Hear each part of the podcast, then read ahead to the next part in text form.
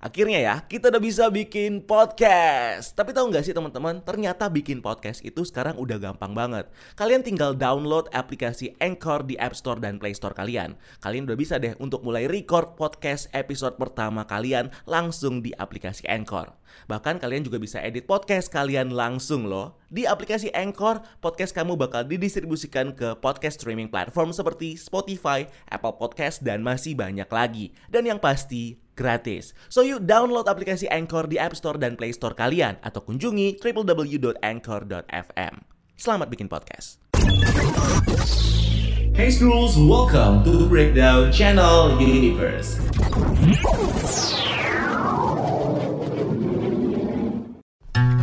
Taskmaster selama ini adalah mata-mata supernya Red Room bawahan dari Dreykov. Hai Scrolls, welcome to Breakdown Channel Universe dan di video kita kali ini kita bakal nge-breakdown trailer terbaru dari film Black Widow. So nggak usah lama-lama lagi bareng gue Rian langsung kita masuk ke topik kita kali ini.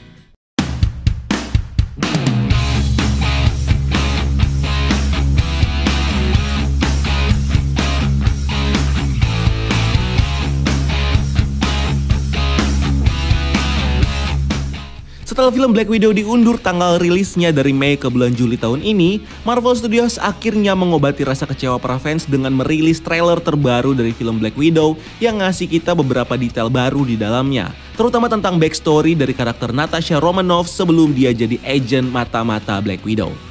Trailer ini sendiri kemudian dimulai dengan menunjukkan kita sosok Natasha Romanoff atau Black Widow di trailer ini yang terlihat di beberapa scene film MCU sebelumnya, seperti di film The Avengers saat dia memulai misi Avengers di Battle of New York, lalu di Avengers Age of Ultron saat dia mendapatkan penglihatan dari Wanda tentang masa lalunya di Red Room, dan di film Captain America Civil War saat dia terlibat pertempuran antar tim Iron Man dan tim Captain America. Dan di film Avengers Endgame tentunya yang jadi momen terakhir bagi Natasha saat dia mati karena menukarkan jiwa jiwanya dengan Soul Stone di planet Vormir.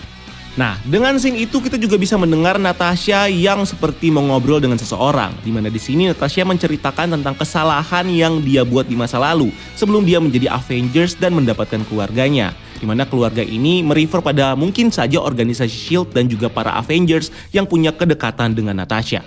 Selain itu kalau kita perhatikan kalimat selanjutnya saat dia bilang kesalahannya ini berkaitan dengan pilihannya untuk menjadi dirinya sendiri atau orang yang diinginkan dunia, ini bisa jadi petunjuk untuk membuat kita berasumsi kalau kesalahan yang dimaksud Natasha mungkin saja adalah kesalahan saat dia menjadi agen mata-mata untuk Red Room dulu. Di mana di sini Natasha sepertinya sudah mengkhianati Red Room dengan mengabaikan perintah atasannya Dreykov dalam sebuah misi yang mungkin berkaitan dengan rencana jahat Red Room yang belum diketahui di mana insiden ini sepertinya bakal berakhir dengan kematian dari putri Dreykov yang sempat disinggung oleh Loki di film The Avengers dengan bilang pada Natasha apakah dia bisa menghapus banyak noda merah di dirinya termasuk milik putri Dreykov.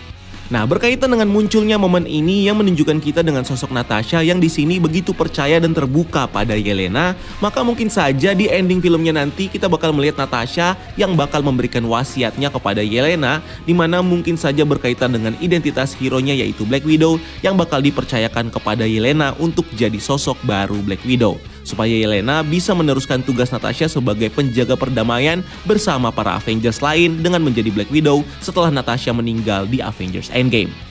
Yo guys, akhirnya kita punya podcast sendiri nih setelah sekian lama ngepoin tentang dunia per podcastan ini. Eh tapi tahu nggak sih teman-teman, kalau ternyata buat podcast tuh gampang banget. Kelihatannya sih ribet ya, harus rekaman di studio lah, pakai alat yang ribet lah. Nah ternyata nih, kita cuma perlu download aplikasinya aja di App Store atau Play Store kalian, namanya Anchor. Kalian bisa mulai merekam podcast pertama langsung di aplikasi Anchor. Nggak cuma itu, kita juga bisa langsung ngedit podcast kita di aplikasinya. Nah, dari Anchor kita bisa distribusiin podcast kita ke streaming platform lainnya seperti Spotify, Apple Podcast, dan lain-lain. Dan yang penting nih, Anchor Podcast ini gratis. So skuilah langsung download aplikasinya aja di App Store atau Play Store kalian atau bisa juga diakses di www.anchor.fm.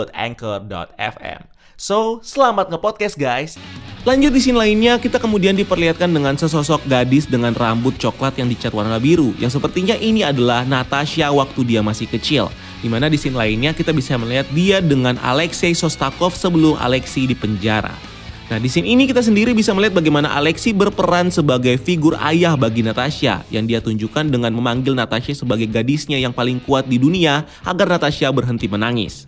Selain itu, bukan cuma Alexi, di trailer ini kita juga bisa melihat Natasha dengan sosok Melina Vostokov muda yang mungkin adalah sosok ibu baginya. Dan juga seorang anak perempuan pirang yang dekat dengan Natasha yang sepertinya adalah saudara perempuannya yang bisa jadi ini adalah Yelena Belova waktu dia masih kecil.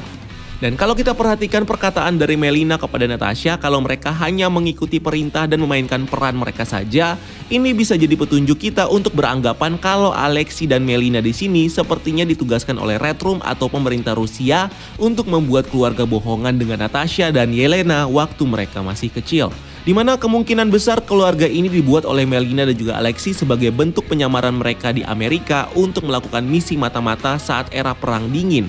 Tapi karena hal ini berlangsung begitu lama, inilah yang kemudian membuat mereka jadi saling sayang satu sama lain dan menjadi seperti keluarga.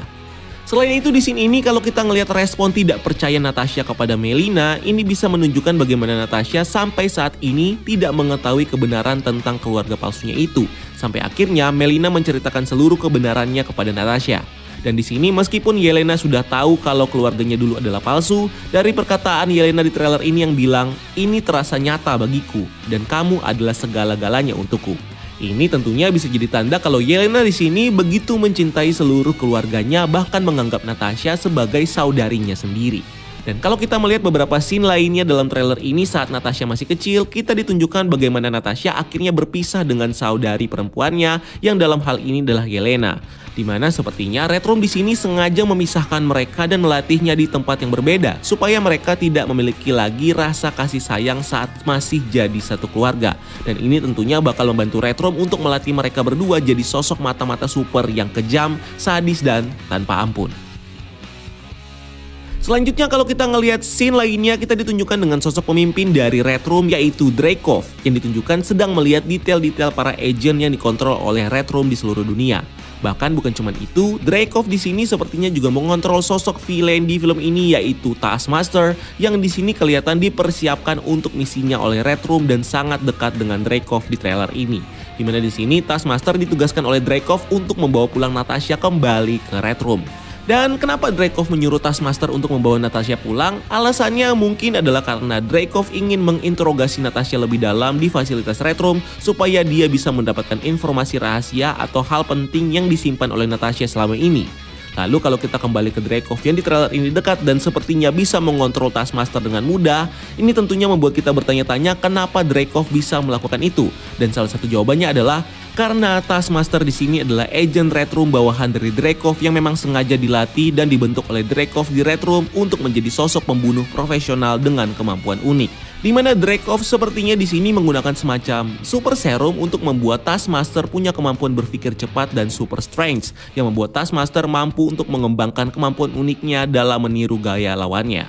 Namun super serum ini bisa jadi berkaitan dengan beberapa tabung merah yang dibawa oleh Natasha di trailer sebelumnya, di mana kemungkinan tabung ini berisi super serum yang digunakan oleh Dreykov untuk membentuk super soldier buatannya seperti Taskmaster di mana Natasha sendiri sepertinya bisa mendapatkan serum super soldier ini dari misinya dulu saat dia mengkhianati Red Room dan ini dilakukan oleh Natasha untuk mencegah rencana jahat Dreykov yang bisa jadi akan menggunakan serum super soldier ini untuk membuat seluruh agent yang ada di Red Room menjadi mata-mata super dengan kekuatan khusus seperti halnya Taskmaster. Keep exploring the multiverse.